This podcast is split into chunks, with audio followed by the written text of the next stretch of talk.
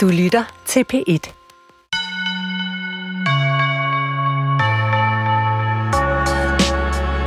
Jeg er vært på øh, DR, og så er der jo nogen, der vil sige, at jeg virkelig er kommet frem i verden. Og hvordan er jeg så det?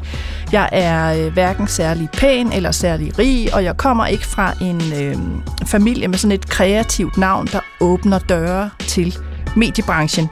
Jo, jeg har simpelthen arbejdet mig op, og så er jeg også meget pågående, når jeg vil noget. Og øh, i dag der skal vi se på øh, en af mine yndlingsromaner, der netop handler om det her med at komme frem i verden. Hvordan bliver man øh, en del af det gode selskab, og hvordan kommer man op i hierarkiet? Det er nogle af de hovedspørgsmål, som øh, den franske forfatter Honoré de Balzacs roman Gamle Goriot tager op. Og på den ene side, der møder vi altså den her gamle, godhjertede far, der slet ikke kan spille spillet. Og på den anden side, så har vi en ung og stræbsom held, der vil ind i Paris bedre cirkler for enhver pris. Han vil have bling og penge og øh, luksus og kærlighed. Og med mig i studiet i dag, der har jeg to, der også er kommet frem i verden. Og øh, det er Balzac, kender og lektor ved Københavns Universitet, Jørgen Bøjsen.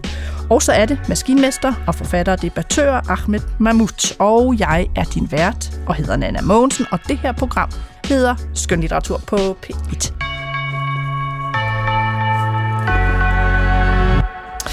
Ja, i dag der har jeg altså tilladt mig at lave en hel time om øh, den her franske knaldroman, som øh, ligger foran os på bordet. Den er fra øh, 1835, og jeg holder øh, helt utrolig meget af den. Det er Balzacs gamle Goriot, der er kommet i en øh, ny dansk oversættelse. Og med mig til at tale om romanen, der har jeg øh, to noble herrer, som øh, jeg først lige vil bede om at øh, præsentere sig selv i virkeligheden. Jørgen Bøjsen, hvis du skulle præsentere dig selv, hvad vil du så sige? Uha, det kommer totalt uforberedt for mig. jeg synes, jeg blev mærke, at du sagde, at jeg var kommet frem i verden. Aha. Øh, det er sådan ligesom, det er ikke destinationen, men, men, øh, men, men rejsen, der tæller. Og jeg føler stadigvæk, at jeg er på rejse. Jeg er sådan en universitetstype. Jeg gik meget op i litteratur, da jeg var yngre, og var meget, meget påvirket af af Balzacs roman her faktisk, eller ikke påvirket, men i hvert fald det gjorde kæmpe stort indtryk på mig. Øh, jeg tænkte, litteraturen, det må være vejen til at lære noget om livet og komme frem i verden på. Øh, og det har jeg så, jeg vil ikke sige, om jeg kom frem, men jeg har fået et arbejde på det. Men øh, du arbejder, altså, som jeg sagde, du er jo både øh, lektor ved Københavns Universitet, og du arbejder også øh, som institutleder i Norge. Altså, så, så noget må du jo have gjort for at komme frem i verden. Altså, nu handler romanen om at komme frem i verden. Hvad har du gjort for at få de stillinger, du har? Er du sådan en type, der ligesom mig har arbejdet enormt meget, eller er du ligesom hovedperson i den her roman, der har prøvet at skyde nogle genveje og spille spillet på den rigtige måde? Øh, jeg tror jeg selv, jeg er meget, meget dårlig til at spille spillet. Øh, noget helt enkelt. Jeg har prøvet at arbejde 40 timer om ugen, lige siden jeg studerede. Og øh, da alle mine øh, medstuderende, de arbejdede 25 timer om ugen, så, så fik jeg sådan på en eller anden måde et eller andet, jeg ved ikke om det unfair forspring, men i hvert fald så, så, så, så, så kom jeg lidt længere, synes jeg selv. Så det er ved arbejde? Hårdt arbejde, ja. Og på min anden side, der sidder øh, Ahmed Mahmoud, som, og jeg beskrev dig både som uddannet maskinmester, du har også øh, skrevet den bog, som, øh, som øh, var en debatbog, der kom for nogle år siden, den der hed Sortland, altså yes. integration, og om din opvækst ja. øh, i en familie med dansk eller med palæstinensiske rødder. Ikke? Ja. Øh, og så er du altså forfatter, debattør. Hvordan vil du sige, at du er kommet frem i verden?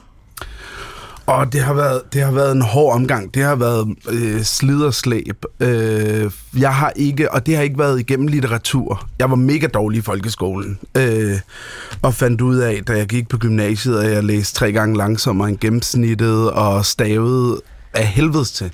Så jeg fik faktisk mere tid til eksamenerne. Så dårligt, øh, så dårlig var jeg. Øh, men, men, men jeg havde, jeg, jeg var omringet af venner, der hele tiden opfordrede mig og, og troede på mig. Og det gav mig mod til at tage mig sammen. Altså, jeg havde en veninde, der sagde, det er fint nok, du har fået ekstra tid til, til eksamen, men hvad vil du gøre, når du skal søge et job? Vil du sige til dem, du har brug for dobbelt så lang tid til at løse opgaver som alle andre? Øh, og der måtte jeg tage mig sammen. Øh, og så må, der tog jeg tyren ved hornene.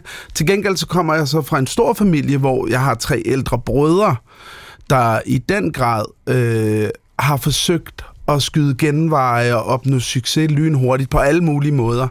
Øhm, og det har måske også lært mig, at det ikke er vejen at gå, fordi de hurtige penge, der kommer, de går også lige så hurtigt. Og det skal vi tale mere om, altså det her med forskellige måder at, at komme frem i verden på.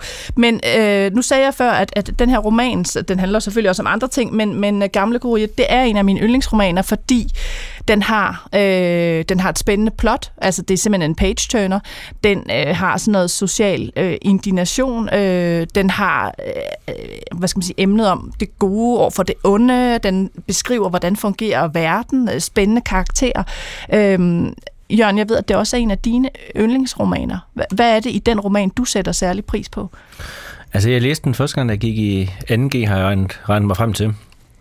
Øh, for det første har den hele situationen med de unge mennesker, der står over for livet, øh, som kommer fra provinsen til hovedstaden og skal øh, Øh, ligesom lære at begå sig. Og hovedstaden er ligesom en, en, en, en, øh, en, en tekst eller en gåde, eller det er i hvert fald en hel masse ting, der skal, der skal afkodes som lærer at afkode, hvordan øh, nogle af spillene de, de, de foregår. Og det er det, romanen handler om, at ligesom lære at, at, at forstå verden.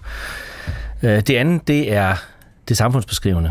Altså det er jo Balzac sådan, den, den helt store øh, vision, altså ligesom give et billede af, af Frankrig og give et billede af verden, hvor man har et, øh, et illusionsløst portræt af en verden, der er styret af de forkerte værdier. Mm. Og så har man ligesom konflikt mellem en, der gerne vil begå sig i verden, egentlig en, en sympatisk ung person, og så en verden, der er styret af det forkerte, og hvordan øh, ordner den her, øh, den her dobbelte ting sig.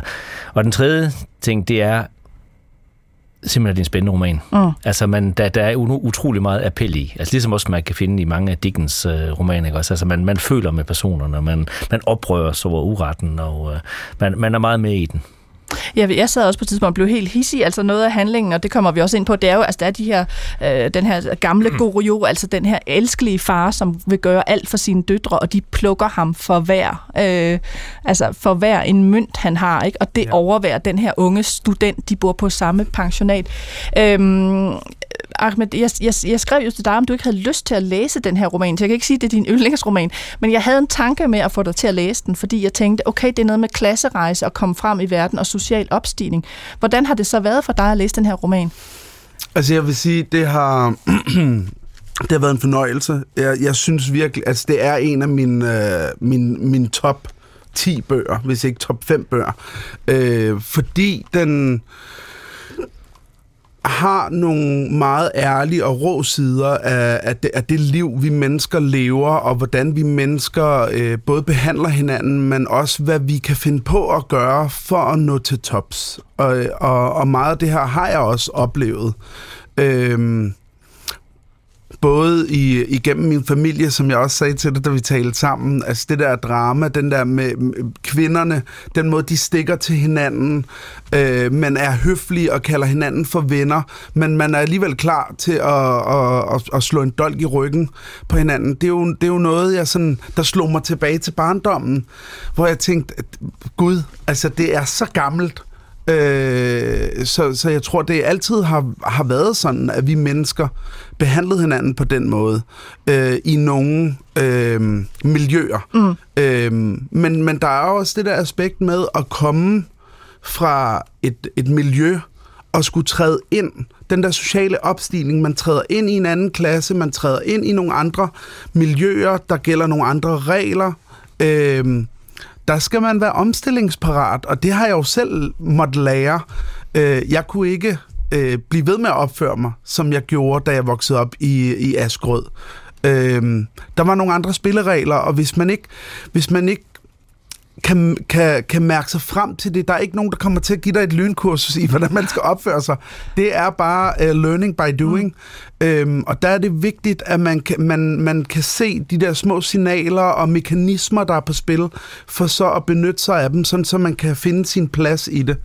Og det er jo det, øh, en af hovedpersonerne, altså ham her, øh, Eugene de Rastignac, øh, prøver. Altså hvis man skal forstå romanen, så er det jo sådan, øh, Balzac, der, der skriver det her både portræt af nogle mennesker, også et portræt af Paris der, omkring 1820. Ikke? Den er skrevet i 1835 det hele starter på det her lille pensionat, øh, hvor det er jo sådan et minisamfund. Øh, I bunden af pensionatet, der bor dem, der har flere penge, og så jo længere op vi kommer i værelserne, jo færre penge har de. Ikke de allerfattigste bor på loftskammererne, hvor der ikke er isoleret. Og der, der bor øh, den ene hovedperson, som, som er øh, Eugene de Rastignac, han kommer fra landet, enormt ambitiøs, øh, lidt fattigt miljø, og han skal egentlig til Paris for at læse jura. Det gider han ikke rigtigt. Han vil gerne begå sig i de bedre cirkler. Det er det, der er hans ambition. På det her pensionat bor der også den her ældre godhjertet mand, gamle Goriot, som har to døtre, som er godt gift. De gider ikke se deres far, fordi de skammer sig lidt over ham. Men de skammer sig ikke mere, end de plukker ham for alt, øh, hvad han har. Så det er ligesom intrigen øh, i øh, romanen. Jørgen, hvis du skal prøve at sætte nogle ord på, øh, altså Balzac som forfatter, han er født i, i 1799 og dør allerede i 1850, men, men hvad er han for en forfatter, og, og hvad er det, han har gang i her i romanen? Altså, Balzac var jo de marxistiske litteraturkritikers yndlingsforfatter. Og det øh, var han, fordi han giver et samfundsbillede. Og han giver sådan en illusionsstødt portræt af, hvordan det forfærdelige kapitalistiske samfund fungerer. Øh, og det gør han meget effektivt, fordi hovedpersonen er en, øh, et individ, men samtidig en type. Altså i Rastignac, der har man koncentreret sådan en hel epokes afgørende konflikter. Altså han kommer fra adelen en ruineret landadel. Mm-hmm. og han skal klare sig i det der nye sådan postadelige øh, samfund, altså hvor, hvor liberalismen hersker, hvor, hvor pengene bestemmer alt. Og det, det, det opdager han lynhurtigt, at det simpelthen, øh, din værdi i verden afhænger simpelthen af, hvor meget der står på din bankkonto, hvor meget du har i dine punkt, og hvordan du går, du går klædt. Så man har den her konflikt med, øh, med idealer, de gamle værdier, den gamle verden, som øh, møder den nye verden, som er pengenes verden, og som går til grunde. Er alle repræsentanter for den gamle verden, øh, medmindre de på en eller anden måde går på kompromis, øh, de er dømt til fortabelse. Uskylden er dømt til fortabelse. Så der i, i den sociale opstigen, så, øh, så er det kompromiserne. Altså man kan, man kan vinde verden, men man vil tabe sig selv i, i, i, den, her, øh, i den her konflikt. Lige præcis det her øh, portrættet af samfundet, øh, som marxisterne godt kunne lide, er Balzacs store mission. Altså han øh, har skrevet et kæmpe romanværk, øh, 80 romaner, som er sammenhængende.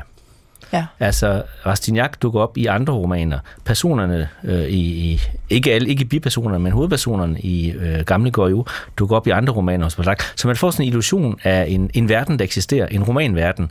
Han sagde selv, at han ville, øh, øh, han ville konkurrere, udkonkurrere folkeregistret øh, som, som romanforfatter.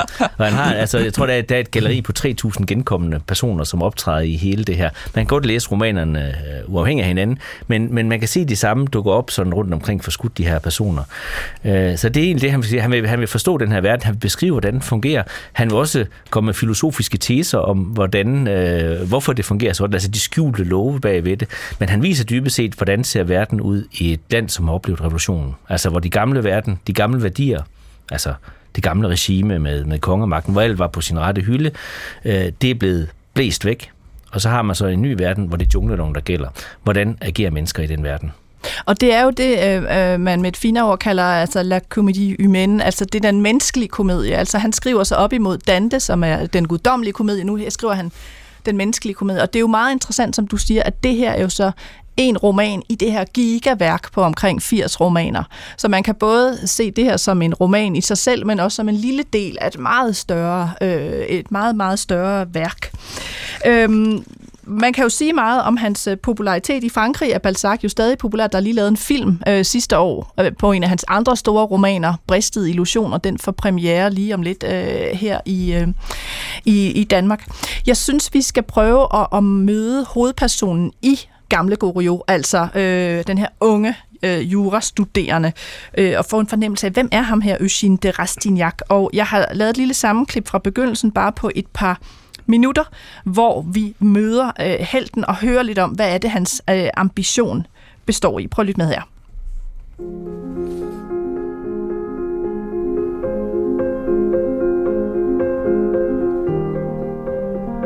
Eugène de Rastignac var efter sommerferien kommet tilbage til Paris i en stemning, som et hvert højt begavet ungt menneske formodentlig har oplevet, eller et menneske af den slags, som en vanskelig situation pludselig kalder de største kvaliteter frem i. I løbet af sit første år i Paris havde den smule åndeligt arbejde, der kræves for at opnå de første universitetsgrader, givet ham tid til også at dyrke det materielle Paris håndgribelige nydelser. En student har travlt, hvis han vil kende repertoiret på hvert teater, undersøge alle vejene gennem den parisiske labyrint, finde ud af, hvordan man begår sig, hvordan man taler, og hvordan man nyder de særlige forlystelser her i hovedstaden, udforske gode og dårlige steder, følge de mest underholdende forelæsninger, gennemgå alle museernes skatte. Først havde han tænkt sig at kaste sig over sine studier. Så blev han hurtigt efter overbevist om nødvendigheden af at skabe gode forbindelser, og bemærkede den store indflydelse kvinder har på de sociale relationer, og satte sig endelig det mål at våge sig ud i selskabslivet, for der er erobre kvinder, der kunne tage ham under deres vinger.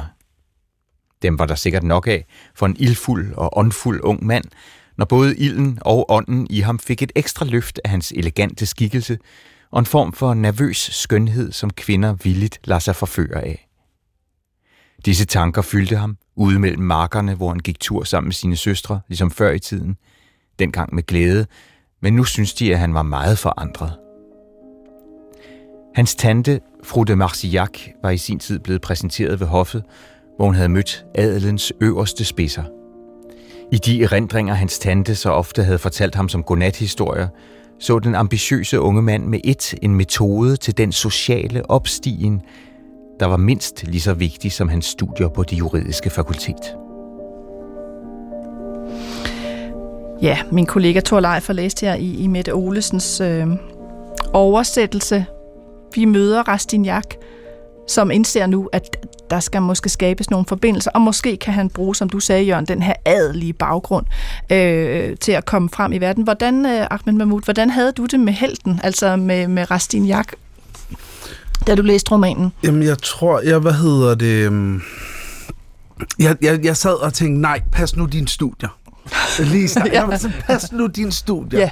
Du brækker nakken på det der. Øh, fordi du hører ikke til, men jeg kunne jo godt spejle mig i de der drømme, man kan have, når man kommer fra socialklasse 5, og ens drømme lige pludselig er meget mere og, og, og rækker langt ud over det, man er født i.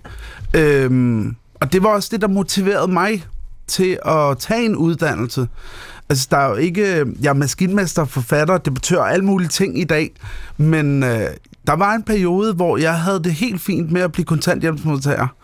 Øh, og skulle bare have nogle, bør- nogle børn, og så kunne jeg gå derhjemme, og for, fordi det var jo det, jeg var omringet af. Mine forældre var på kontanthjælp, senere på førtidspension, naboerne, genboen, overboen. Øh, og det var også det, man talte om. Hvor da jeg fik øjnene op for den her store verden derude, ved at gå på museer og ved at gå ud og opleve og rejse, så var sådan, kontanthjælpen rækker simpelthen ikke til, til de drømme, jeg har. Jeg bliver nødt til at tage en uddannelse. Jeg bliver nødt til at opnå noget med mit liv, der giver mig den frihed, jeg, jeg i virkeligheden higer efter.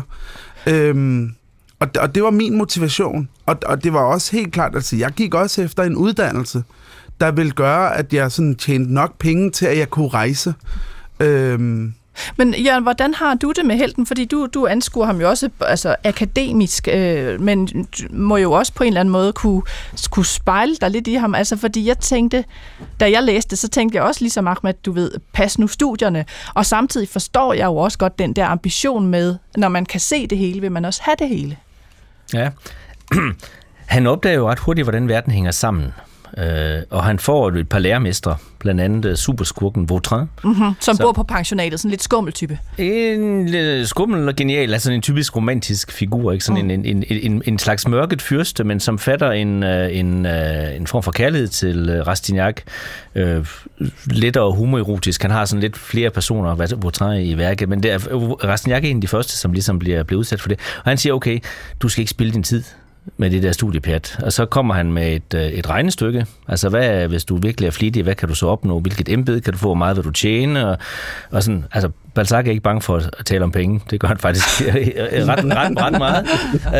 Øh, og så, så, så, så, så viser han for, for Rastignac, altså det liv, han drømmer om, det vil han aldrig kunne opnå ved ærlige midler. Han vil ikke kunne, øh, altså uanset hvor flittig han er, hvor, hvor fint et dommerembede han kan få i provinsen, så, så vil han være det, som i Rastignacs egne øjne og i Vautrins øjne er en taber. Mm. en taber i det store spil. Der skal andre, øh, andre midler på bordet. Det, øh, det, der gør, at man stadigvæk godt kan identificere sig med Rastignac, er, at han har begge sider. Ikke? Han har både archivistens øh, tørsten efter magt og anseelse af alle den her verdens glæder, men samtidig ikke helt blottet for en, en moralsk bevidsthed. Den, den smider han til allersidst i romanen og siger, okay, nu, øh, nu, nu, nu, nu fælder han sin sidste tårer som ung mand, og øh, så er han klar til at gå, gå i kamp med verden. Men hele romanen igennem har han øh, moralske skrubler. Han har også den anden side med sig, og det er ligesom den der vagten, der ligesom giver det, det menneskelige i, i romanen, og gør, at man som læser også føler sig anfægtet af, af, af personen. Han er ikke nogen kold arrivist. Det bliver han senere i værket, men her der har man som ung mand, hvor han stadigvæk har bløde følelser. Og det har han jo også over for ham, altså gamle Goriot, at han deler pensionat med. Altså han kan jo se, at Goriot bliver udnyttet af de her døtre. Han prøver jo også at hjælpe ham på et tidspunkt. Øhm, men for eksempel øh, dig, Ahmed, altså hvad var det så, der gjorde, at du valgte for eksempel øh, den modsatte vej af Rastignac, altså studievejen? Fordi han har jo faktisk fat i noget. Altså, hvis han får de rette forbindelser, så kan han jo komme længere op i samfundsklasserne og skaffe sig et bedre liv noget hurtigere. Jamen, det er jo rigtigt, men så skulle man have levet i en tid, hvor mennesker øh, fik udbetalt øh, renter, så de kunne leve øh, livet, og så kunne man gifte sig til det. Jeg kommer så fra en kultur, hvor hvis jeg skulle gifte mig, så skulle jeg betale øh, en helvedes masse penge til en kvinde. Øh, så, så der var jeg sådan, det, det går ikke. Det er, der, jeg bliver nødt til at klare mig selv. Jeg bliver nødt til at skabe noget, der, der er mit. For, for jeg havde jo også en, en kamp, øh, der skulle kæmpes i forhold til min familie, øh, og jeg havde brug for at løsrive mig øh, fra dem. Jeg voksede op, hvor familien er, øh, hvad kan man sige, livet. Øhm, og, og, og uden familien klarer man sig ikke. Og der blev jeg simpelthen nødt til at bevise over for mig selv, at jeg godt kunne på egen hånd. Øhm, og så er jeg også homoseksuel, så det, altså, så, jo, så skulle jeg have fundet mig en, en, en rig mand. En eller et eller en ja, lige, ja. Lige, lige, lige præcis. Men jeg tror, altså, hovedpersonen er jo det menneske, jeg tror, der er i os alle sammen. Det menneske, der kæmper imellem øh, det gode og det onde, og, og, og, og, og, og der er en kamp tror jeg, i alle mennesker med at gøre det, om man, om man vælger den rette vej eller den forkerte vej, og nogle gange så begår man nogle fejl, og kan man... Øh, og det er også menneskeligt, også at gøre noget forkert, så længe man lærer af det. Øh, man bliver man opslugt af det, så tror jeg egentlig i virkeligheden, man på et eller andet tidspunkt øh, ryger i afgrunden. Øh, og, og det er jo den kamp, man følger med hovedpersonen. Mm. Øh, og, og, og, og den verden, han lever i, tvinger ham jo også til på en eller anden måde at ryge i en retning, fordi det er det, han ser alle andre gøre, så han følger også lidt med. Øhm, og, og, og det, der jeg tror, der giver ham det sidste skub, det er jo også den der uretfærdighed, han oplever, som han har lyst til at bekæmpe. Øhm, og den der sorg, der så siger, nu, ja, han bliver nødt til at være lige så barsk som alle andre. Mm. Han bliver nødt til at udnytte dem, for ellers så bliver han selv udnyttet. Øhm, men jeg synes også, øh, hvor Trion, jeg er mega dårlig til navnene. Vautrin, bedrager. Ja. Øh, det er meget lettere. øhm, han er jo også, altså, han lokker ham. Ja. Og han udstiller jo også den, den, den der ærlige vej, som hovedpersonen vil tage med at tage en uddannelse og arbejde. Der piller han det jo fuldstændig fra hinanden og siger, lige meget hvad, så kommer du ikke til at opnå det, du Nej, rigtig gerne vil. Så du, din drømme kan du kun opnå, hvis du vælger og, og gifter med en, der har pengene. Og så blev jeg nødt til at undersøge det der med livsrente. Altså, der er jeg simpelthen for ung. Jeg var sådan, hvem kan leve? Hvad er det der livsrente?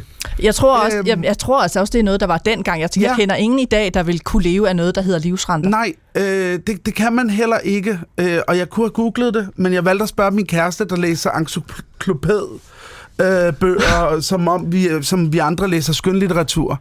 Øh, og det hører, og du må rette mig, hvis jeg tager fejl, det er fra en tid før Første Verdenskrig, hvor indtægten af renter fra ens, hvad kan man sige, formue mm. var så høj, ja, man så kunne man leve, kunne leve af den ja.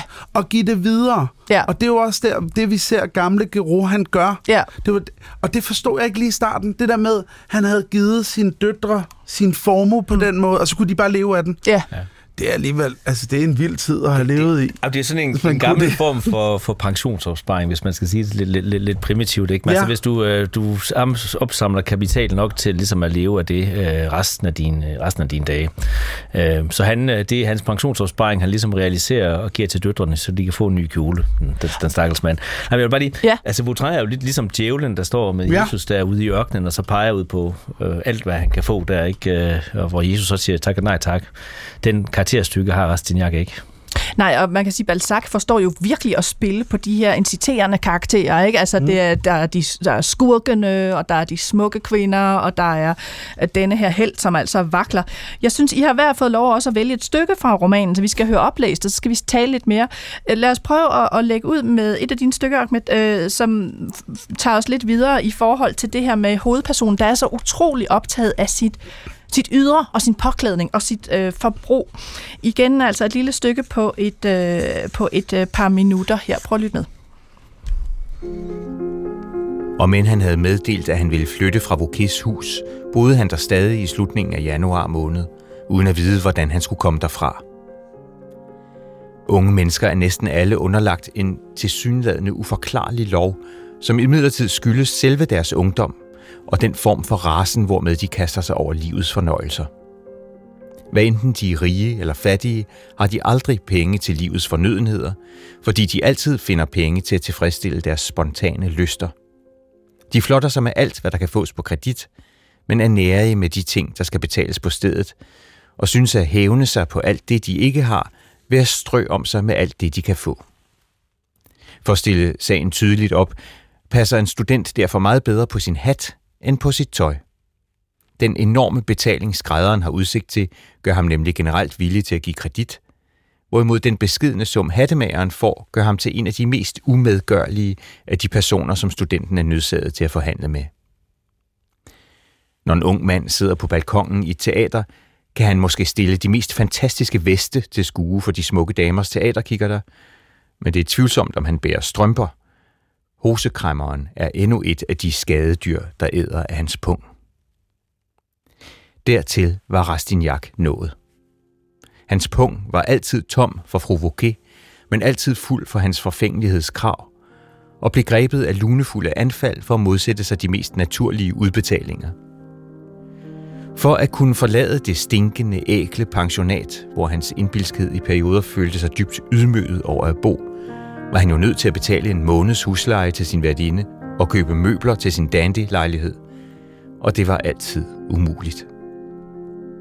For at skaffe penge nok til at gå i spillehuset, kunne Rastignac gå til sin guldsmed og købe uger og guldkæder, som han betalte dyrt med sine gevinster, og derefter bringe dem til lånekontoret, denne ungdommens dystre og diskrete ven. Men han ejede hverken opfindsomhed eller mod, når det galt om at betale sin mad og sin bolig, eller købe de ting, der er uundværlige, for at kunne dyrke et liv som modelaps. En vulgær nødvendighed eller en gæld, han havde skabt for at tilfredsstille sine behov, tog han sig ikke længere af. Ja, her igen Thor Leifer i Mette Olesens oversættelse, altså et uddrag fra Gamle Goriot. Jeg kan jo spørge lige om lidt, hvorfor vi skulle høre det her stykke, men jeg kommer jo til at tænke på nogle meget nutidige tendenser, altså det, øh, hele den der gruppe af unge mennesker, som jo altså sulter sig og spiser havregrød for at få den rigtige designtaske. Altså luksusfælden. Ja. Luksusfælden, ja. der har han virkelig fat i noget, det er Balzac. Luksusfælden. Det er det nemlig. Altså det der med, det kan godt være, man har vest på, der skinner, men så har man ingen sokker i skoene. Yes. Hvorfor, skulle vi, hvorfor var det her et af dine øh, stykker? Jamen, jamen, det var derfor. Det er jo fordi, det er et problem, der altid har været der, og vi stadigvæk den dag i dag kæmper med. Øh, og særligt unge, øh, tror jeg, har sådan opfattelse af, at de er uovervindelige, og alt nok skal gå, og så tager de lån her og der, og lige pludselig så ramler det hele, og så kan de ikke selv grave sig ud af den kæmpe store gæld, de, de står i, fordi det alligevel ikke lykkedes. Øhm, man tager sig simpelthen ikke tid nok til at, at tage livet et skridt ad gangen. Man har så travlt med at komme frem, man har så travlt med at opleve. Og jeg kan selv huske det, da, da jeg var ung, og jeg, jeg, jeg, jeg kunne simpelthen ikke... Øhm, vente til, at jeg blev færdiguddannet, for at komme ud og opleve. Jeg har også taget et kviklån på et tidspunkt. Øhm, og og det, er, det er jo bare tillokkende, fordi du ser den her kæmpe store verden. Du, også sociale medier har jo heller ikke gjort det lettere, når du ser influencer, der både er i Dubai og alle mulige steder og tager billeder, og det hele ser super skønt ud. Men jeg tror egentlig, de alle sammen er på røven. De har ikke penge til at, at, at købe mad. Øhm, jeg var lige ved at sige, send dem til Norge og lad os se, om de kan købe en kebab. Det er mega dyrt. altså det, ja, og, og, og, og, og det er så fint beskrevet i, øh, i romanen. Ja. Jeg synes øh, også, at man forbinder det på ungdommen. Mm. Øh, men der er også en fare ved det, og, og der tror jeg, at vi skal vi netop, nu hvor der blev nævnt luksusfælden, være opmærksom på det. Fordi man kan som ung nå at ødelægge hele sit liv, inden det egentlig er kommet i gang. Mm. Jørgen, øh, det her med, fordi det er jo også et, et beskrivelse af, af, af hele det her med overflade kontra dybde, og det, det øh, bruger Balzac jo på mange måder i romanen, altså også øh, de overfladiske værdier kontra sådan hjertets dybde ikke? Øh, i forhold til, øh, til det her med, med familien. Øh, hvordan, hvad skal man sige, harmonerer det? Jeg kommer også til at tænke på Frankrig i dag, altså det her med overflade kontra dybde, og det her med det ydre, der er væsentligt, kontra hvordan der ser ud derhjemme. Altså er det noget særligt fransk, eller er det bare noget for tiden, som Balzac går op i her ved at, at tematisere det her? Og nu hørte vi jo lige eksemplerne fra Ahmed egen, ja. egen øh, ungdom, at det er jo meget universelt, mm. det her. Øh, det, som uddraget også viser, er jo lige præcis en omvending af det, som det egentlig burde være. Oh. Altså moralen, religionen lærer os, at det er de indre værdier, der tæller, og det er det, som, som herren kigger på. Men øh, Rastignac har forstået, at det er de ydre værdier, der tæller.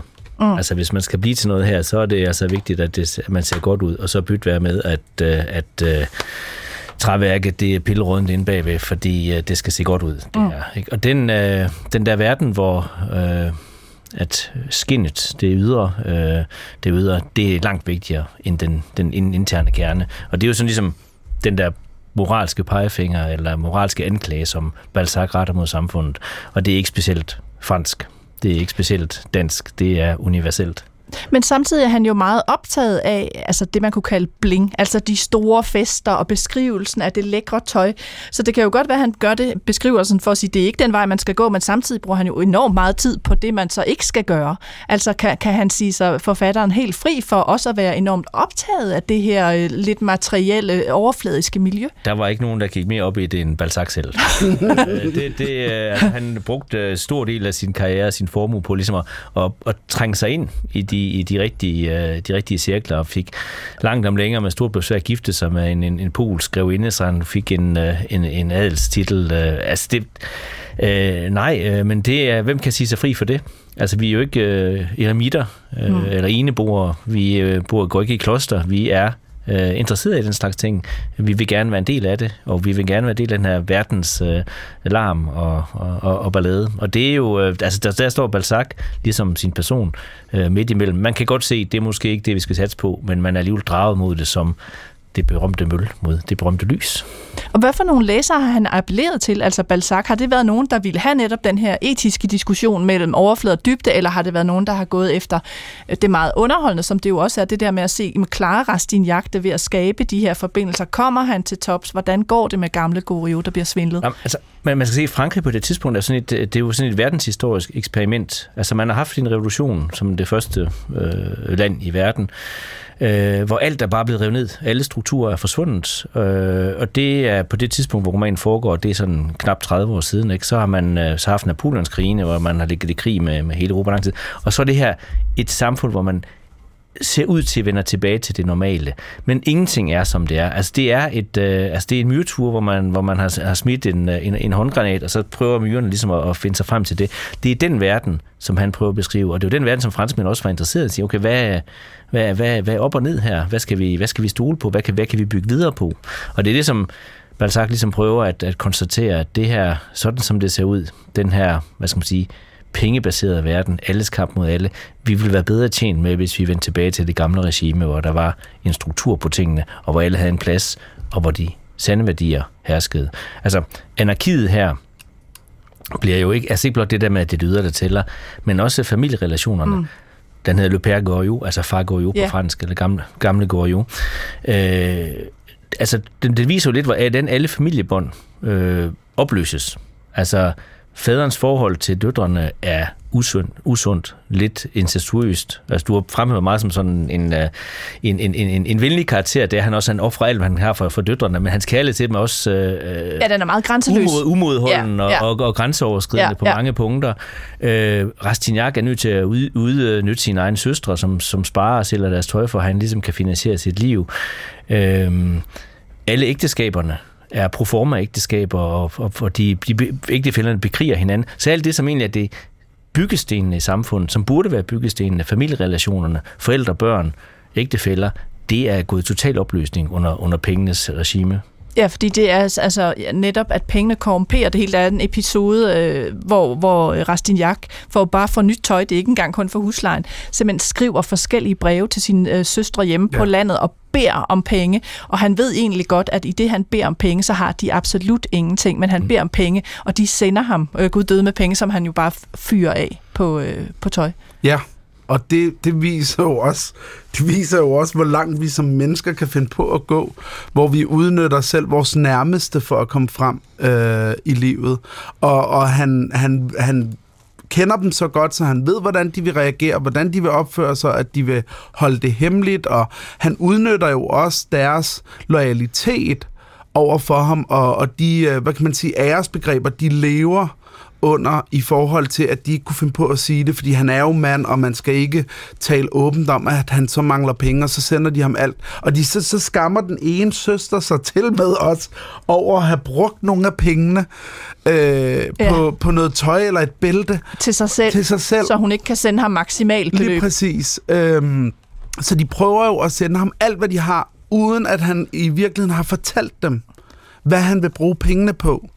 Øhm, og, men, men der er også en advarsel, jeg tror, det er i morens brev mm. til ham, hvor han siger, jeg, hun kan ikke sende ham det samme beløb igen, uden at inddrage faren. Nej. Så der, der er sådan, og, og det ser jeg som sådan øh, varsling af, prøv at, så bliver vi nødt til at inddrage den anden mand i huset, yeah. og, og det vil du ikke have. Nej. Øh, fordi så, så, så kan det være, at det, det hele bryder sammen. Altså, så, bliver han, så får han slået hånden af sig.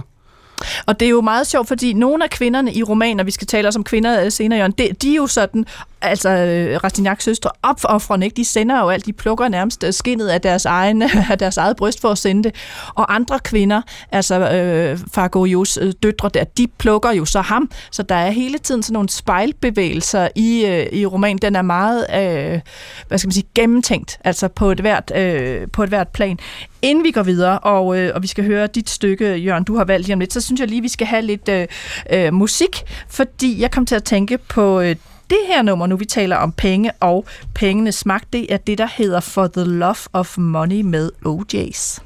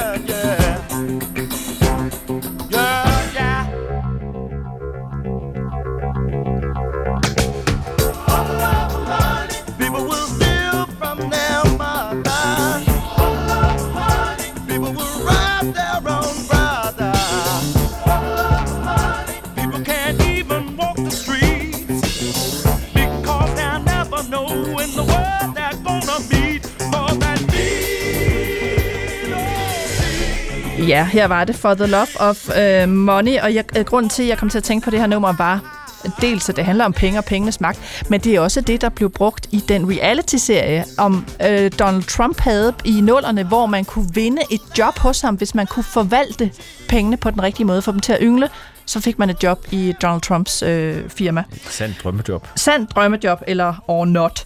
Øh, jeg er jo tilbage i studiet her i skønlitteratur øh, på P1. På min ene side, der har jeg Jørgen Bøjsen, litteraturforsker, Balzac kender og meget andet vidne om Frankrig. På den anden side har jeg øh, Ahmed Mahmoud, som er øh, maskinmester, forfatter, øh, mønsterbryder, kan man vel også godt sige, Yes. øh, øh, fra, øh, fra en, en, en indvandrerfamilie i Askerød. Ja. Fra sådan, og du siger det jo selv som sådan en, en, en altså sådan mere, øh, hvad skal man sige, øh, lavere socialklasse, og, Ja. nu, og nu bevæget dig opad. Ja, det må man sige. Øh, og så øh, har man mig, som er sådan noget, øh, ja, hvem ved, hvad jeg er. Øh, men øh, det, jeg vil øh, hen til, øh, og nu skulle jeg til at sige apropos kvinderne, men altså, øh, det er jo øh, dig, Jørgen. Og det lyder lidt forkert, ikke? Men, ja. ja, ja. Åh, det er altså herligt. Jeg har den en diplomatisk tavshed. Ja, der er diplomatisk tavshed. Apropos, nej, men jeg kunne jo ikke sige apropos mønsterbrud. Øh, du har også valgt et stykke fra romanen, som, øh, som du synes, vi skulle høre, og, og jeg bliver nødt til at sige en lille smule om handlingen for at introducere det her. Altså, Rastignac, den her unge øh, student, øh, Øh, det lykkedes ham jo at skabe nogle alliancer ved at bruge sin kusine, tror jeg det er, øh, som har nogle adelige forbindelser, så bliver han besøger en hende, og hun præsenterer ham for nogle andre, så sådan trænger han lidt ind i det her miljø. Og de får en forbindelse, de to til hinanden, som er mere reel. Hun er lidt ældre end ham. Hvordan er den forbindelse? Jamen hun, hun er jo... Altså på mig, er- de er i familie. Uh, hun repræsenterer den gamle verden, mm-hmm. som han egentlig også kommer fra, hvor søstrene stadigvæk befinder sig i det. Og, så, og det er en meget nyttig alliance for hende, fordi selvom adelen egentlig ikke rigtig betyder noget længere, især ikke den, den gamle øh, ægte adel, øh, så har den alligevel noget prestige. Det er sådan et, et, et, et, et, på en eller anden måde et tomt tegn, men som alligevel har, har, har en, en social værdi. Så det er vigtigt, øh, og hvis man kan lukke, få folk med ind der, eller blive set i de salonger der, så, så får man noget social kapital, og så, så, så kan man komme frem i verden. Så han øh, kontakter hende og har en, får, får en forbindelse med hende. Altså kan en eller anden, altså både medfølelse, men også en eller anden, øh, de forstår hinanden på et lidt, øh, lidt dybere plan, kan man sige. Øh, hun afspejler også noget andet, fordi inden det første møde øh, med Madame de Beauséant og, øh, og Rastignac, der har han fået sådan en større lektion i, hvordan verden hænger sammen af Vautrin. Mm-hmm. Øh, er det simpelthen at sige, okay, det her det er alles kamp mod alle, og øh, folk de æder hinanden som, som æderkopper i en syltetøjskrukke, og det er altså sådan, hvordan verden fungerer. Hun gentager sådan set denne samme lektion, bare med fra, fra, fra hendes øh, synspunkt og med øh, højadelens ord og sådan noget. Men dybest set, så er det den samme, og det gør selvfølgelig et stort indtryk på, på Rastignac der, som udover at øh, ligesom tage lektien til sig, øh, også fatter sympati med den, øh, hvad skal man sige, der er sådan et, et, et, et udbrud af ærlighed et udbrud af menneskelighed i denne sådan verden af forstillelse og spejlkabinetter, hvor, hvor alt på en eller anden måde er bare det ydre skin, så er der en eller anden, fornemmer han hos hende, en, øh, en, en kerne af noget mm. menneskeligt. Og hun fornemmer også hos ham en kerne af noget uskyldigt stadigvæk. Så de bliver jo faktisk en slags venner, kan man sige. Og, og han bliver hendes eneste fortrolig på et tidspunkt, hvor hun øh, øh, må forlade byen. Ja, fordi det, vi skal høre her, det er, det er jo faktisk den sidste fest, hun holder i det her store palæ. Hun har haft en elsker, det har nærmest alle øh, kvinderne i romanen, en elsker. Øh, Sådan er det i Frankrig. Sådan er det, ja. jeg øh, flytter, havde jeg nær sagt. Jeg håber, min chef hører med. Øhm, og, det, og, og, og han har vraget hende. Altså, han har, han har tænkt, at han har været holdt en holdt elsker, hun har betalt for, og, og nu har han giftet sig. Øh, hun skal holde den sidste fest, kan ikke aflyse. Alle vennerne, vennerne laver jeg gåsøjne, er mødt op, og de er jo egentlig ikke mødt op for at feste, de er mødt op for at se knækker hun nakken. Altså kan hun Yes. holde facaden her en sidste gang. Hun øh, taler så med Rastignac, fordi hun er nødt til at få hentet de her breve, hun har sendt til sin elsker, så han ikke ligesom har noget på hende. Og det er det, vi skal høre det her sidste møde. Prøv at lytte med her.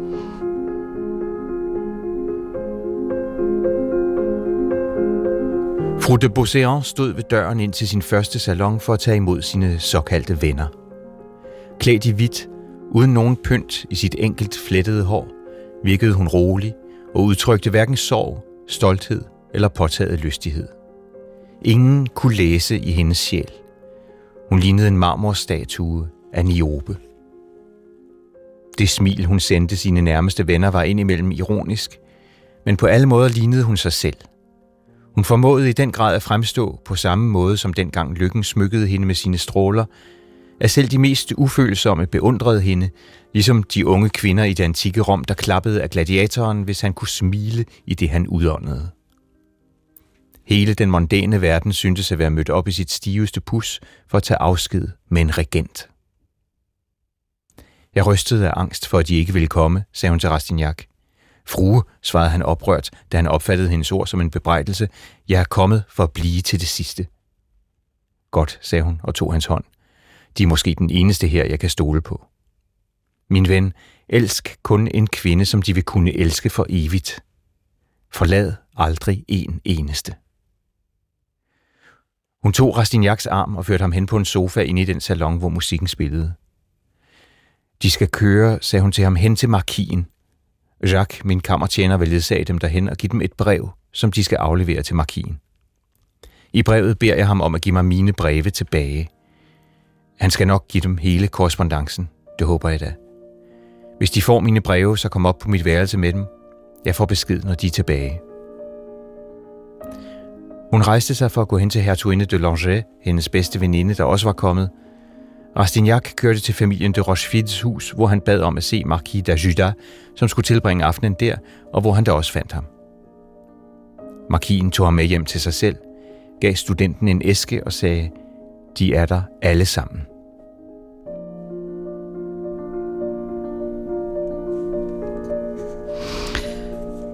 Meget sørgeligt stykke, øh, synes jeg, øh, Jørgen, du har valgt. Øh, man sidder jo faktisk øh, altså næsten med tårer i øjnene. Det er, jo, det er jo et kærlighedsforhold, der slutter, og så må hun sende sin nevø hen for at hente brevene. Hvor, hvorfor skulle vi høre det her stykke, eller hvorfor var det et af dem, du pegede på? Det er, hvad skal man sige, det er uskyldens undergang. De uskyldige, som er i romanen, øh, går alle sammen til grunde øh, på en eller anden måde, eller også bliver overladt til sig selv, ligesom søstrene ude i, i provinsen. Så det her, det er sådan, øh, altså hun står ligesom for, for det, der var edelt øh, stadigvæk i Paris, øh, og hun bliver svigtet af en mand, som faktisk elsker hende, men som vælger pengene i stedet for. Altså igen, pengene trumfer følelserne der. Øh, så det eneste, hun har tilbage, det er at opretholde facaden. Øh, men øh, altså alt det uskyldige ved hende, ikke? også håret naturligt, klædt i hvidt, øh, sådan øh, stoisk rolig. Øh, så det er sådan det, hun har tilbage, og så forsvinder hun ud af Paris. Så vil ligesom sige, de gamle værdier, de bliver overvundet her, ikke også? Og det er sådan, sammen med øh, Gorios død øh, lidt senere, så er det sådan en, en af de der virkelig altså lærestykker, som Rastignac får, ikke også? Altså, sådan går det folk, der på en eller anden måde øh, elsker for meget, er lidt for ærlige i deres følelser. De har ikke nogen fremtid i den her verden.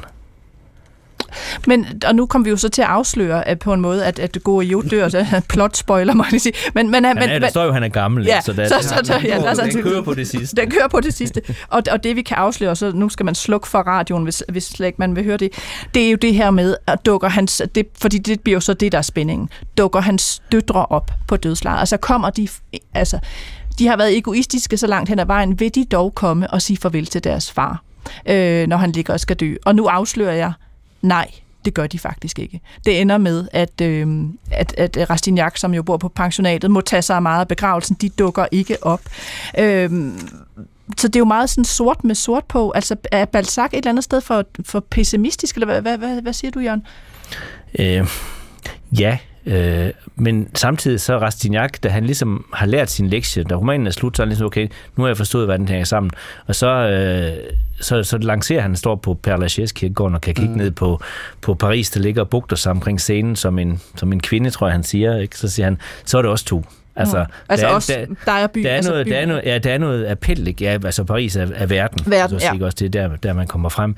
Så der er også et andet, altså de franske romaner, øh, og, og Balzac også, der er et, et utrolig meget... Øh, øh, altså, der er et misforhold mellem individ og verden, mm-hmm. men individet tager kampen op. Det er også i de elendige Hugo, ikke? altså øh, Jean, øh, Jean Valjean. Altså, man tager kampen op mod det her, øh, og prøver ligesom at, at, at sætte sig igennem og finde en plads og, og, og ændre på tingene. Rastignac gør det måske ikke til det gode, men der er noget, der er noget appel i det. Øh, jeg vil også sige lidt, lidt, lidt, lidt undskyldende for døtrene, Ja, de er gift, altså jo, jo, og, de, og de, de opfører sig forfærdeligt over for deres gamle far. Men ligesom Madame de Beauseant, ligesom alle kvinderne i, uh, i romanen, så er de uh, ofre mm. for et eller andet system. De bliver brugt som vekselpenge uh, mm. til prestige, eller til ja, eller bare til, til redepenge sådan set. Uh, de er i arrangerede ægteskaber med mænd, som ikke elsker dem. Og det gælder, det gælder sådan set dem alle. Du sagde det allerførste, det der med, at kvinderne, det er nogen, man kunne komme frem ved hjælp af. Uh-huh. Altså, de er et middel til social opstigning. Uh, og der er sådan en, altså ægte følelse og kærlighed betyder bare mindre i, i det der spil der. Så de er også, uh, de er også ofre, så at sige, de her to døtre. De er ulykkelige uh, og fortabte. Uh, og de udnytter deres far, fordi det, det kan ikke også, men, men det er sådan set ikke en situation, som de har skabt heller ikke. Du sagde, øh, Ahmed, da vi talte sammen også, at, at du kunne genkende noget af det her med også, fordi en af døtrene bliver faktisk forbudt at besøge sin far, altså af manden. Hun får ikke engang lov til at gøre det. Altså, du sagde, du også genkendte nogle af de her kønsmønstre i det. Ja, øh, fordi man, der, der er helt klart i, i bogen en beskrivelse, øh, eller en, ikke en opfordring, men man ser muligheden for social opstigning ved at gifte sig med, med nogle af de her øh, kvinder og bruge dem som vekselpenge. Øh, men, men der er også helt klart et tydeligt spor af, i sidste ende er det mændene, der bestemmer, uh-huh. og det er mændene, der også udnytter de her kvinder. Øhm, og, og hovedpersonen begår jo også den her fejl, da han besøger en af døtrene, hvor han afslører, at hun lige har mø- mødtes med sin far. Mm. Ja, for det ved øh, manden ikke. Altså det ved, nej, det ved han ikke, og, og, og, og, og så længe han ikke ved det, så er det okay, og det er egentlig den... Øh, kulturdynamik, som, som, som jeg helt klart kan genkende. Jeg har øh, oplevet familier, hvor der har været konflikter, hvor konen ikke må se sine forældre. Øh, man ser dem alligevel, så længe hendes mand ikke bliver gjort bevidst om det. Hvor der er de her altså, familiemæssige, meget grimme, grimme konflikter, og, og, og manden har det sidste ord. Og det, at man tydeliggør det, det, det som... Øh, Rastignac kommer til at gøre, hvor han siger, at du har lige mødtes med ja. gamle Gero. Ja. Det er jo i virkeligheden en våd klud i hovedet på manden. Det er et, et tab af ære, at, at det bliver tydeligt, at det finder sted, selvom han har forbudt døtrene det.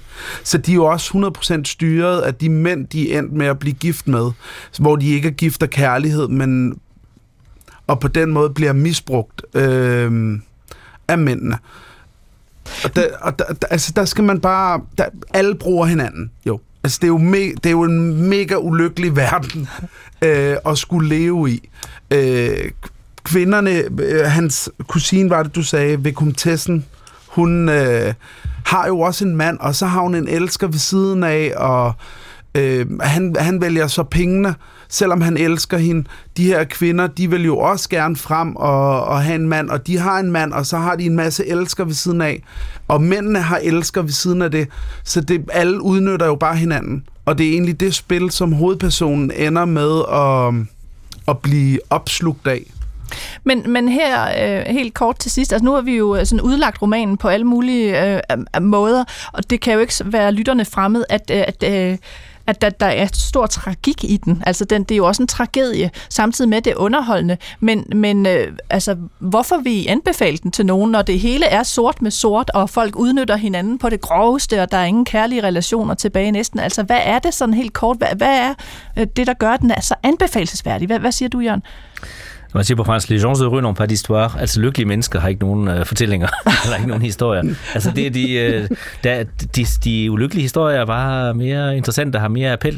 Uh, og så, ja, jeg, jeg synes faktisk, den analyse, der bliver lavet af samfundet, øh, selvom den foregår i 1820'erne i en helt speciel historisk situation, i et helt specielt samfund, øh, stadigvæk er gangbar på, mm. på mange måder, fordi mennesket, øh, menneskets natur er konstant, og de her ting, man ser i det her, gentager stadigvæk. Øh, hvis man skal sammenligne Balzac med en moderne forfatter, kunne det være en uh, Michel Houellebecq, som mm-hmm. også er en erklæret reaktionær forfatter, men som altså hvor, hvor den verden, man ser, er jo også dystopisk, og, og alle familierelationer, og at der er ikke rigtig noget, der fungerer. Men det er vanvittigt spændende, det er vanvittigt underholdende, og det, har, øh, det appellerer til os på en eller anden måde. Og man føler lidt med de her vrede personer, som er der, som på en eller anden måde siger, det her det er simpelthen for galt, nu, øh, nu, nu, nu gør vi et eller andet. Så jeg synes, at der er begge, altså, Rastignacs karakter i det her, øh, også hvordan han bygger sin karakter og, og bliver en karakter, er, er utrolig fascinerende. Han tager alle de forkerte øh, lærermestre, ikke også? Men forbliver alligevel lidt sig selv i det, og, øh, og kan godt se, det er ikke mig, der er korrumperet, det er verden, og hvis jeg skal klare mig her, så er jeg nødt til at spille øh, i samme orkester. Og hvad siger du øh, helt kort her til sidst, øh, Ahmed Mahmoud? Altså, øh, du har stadig ikke fortrudt, at jeg tvang dig til at læse denne øh, nej, roman? Nej, nej, det har, det, det har jeg ikke, men det er også fordi, man som læser øh, bliver opslugt af den og, og, og bliver inviteret ind i den her verden og hæpper jo på hovedpersonen, at han skal tage de rigtige beslutninger. Øh, og man sidder jo også og tænker, ham der er dødens bedrager, væk med ham, smid ham, altså det, det er djævlen, hold dig fra ham. Øh, så man hæpper jo på, at det, det, det skal gå godt. Øh, og så rammer det jo en. Øh, mm. Fordi man, man, man bliver opslugt af det. Det rammer en, når, når Gero dør. Mm. Altså, der må jeg alle den rømme. Der, der måtte jeg lægge bogen frem, og der begyndte jeg nærmest at tude. Øh, fordi det er så ulykkeligt.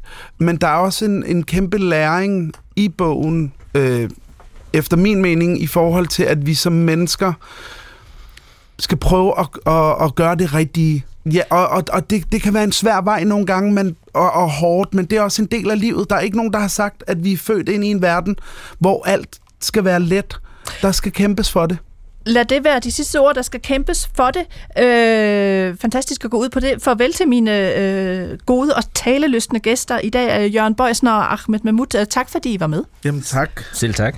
Øh, så skal jeg sige, at Gamle Gorio, som den nu hedder i den her oversættelse, er udkommet på øh, forlaget Turbine, oversat af Mette Olesen. Og øh, så skønlitteratur på P1. Slut for i dag. Jeg hedder Nana Mogensen, og jeg var din vært. Skriv til mig på litteratursnablag.dr.dk litteratursnablag.dr.dk www.nota.dk. I redaktionen var Anders Stegger, Anna Sonja Brun og Steffen Klint i teknik. Og vi slutter af med lidt mere bling og penge apropos dagens tema. Det er Branko med Money Moves. Aldrig handlede om at lave skejs, altid handlede om at bruge dem. Vi høres ved.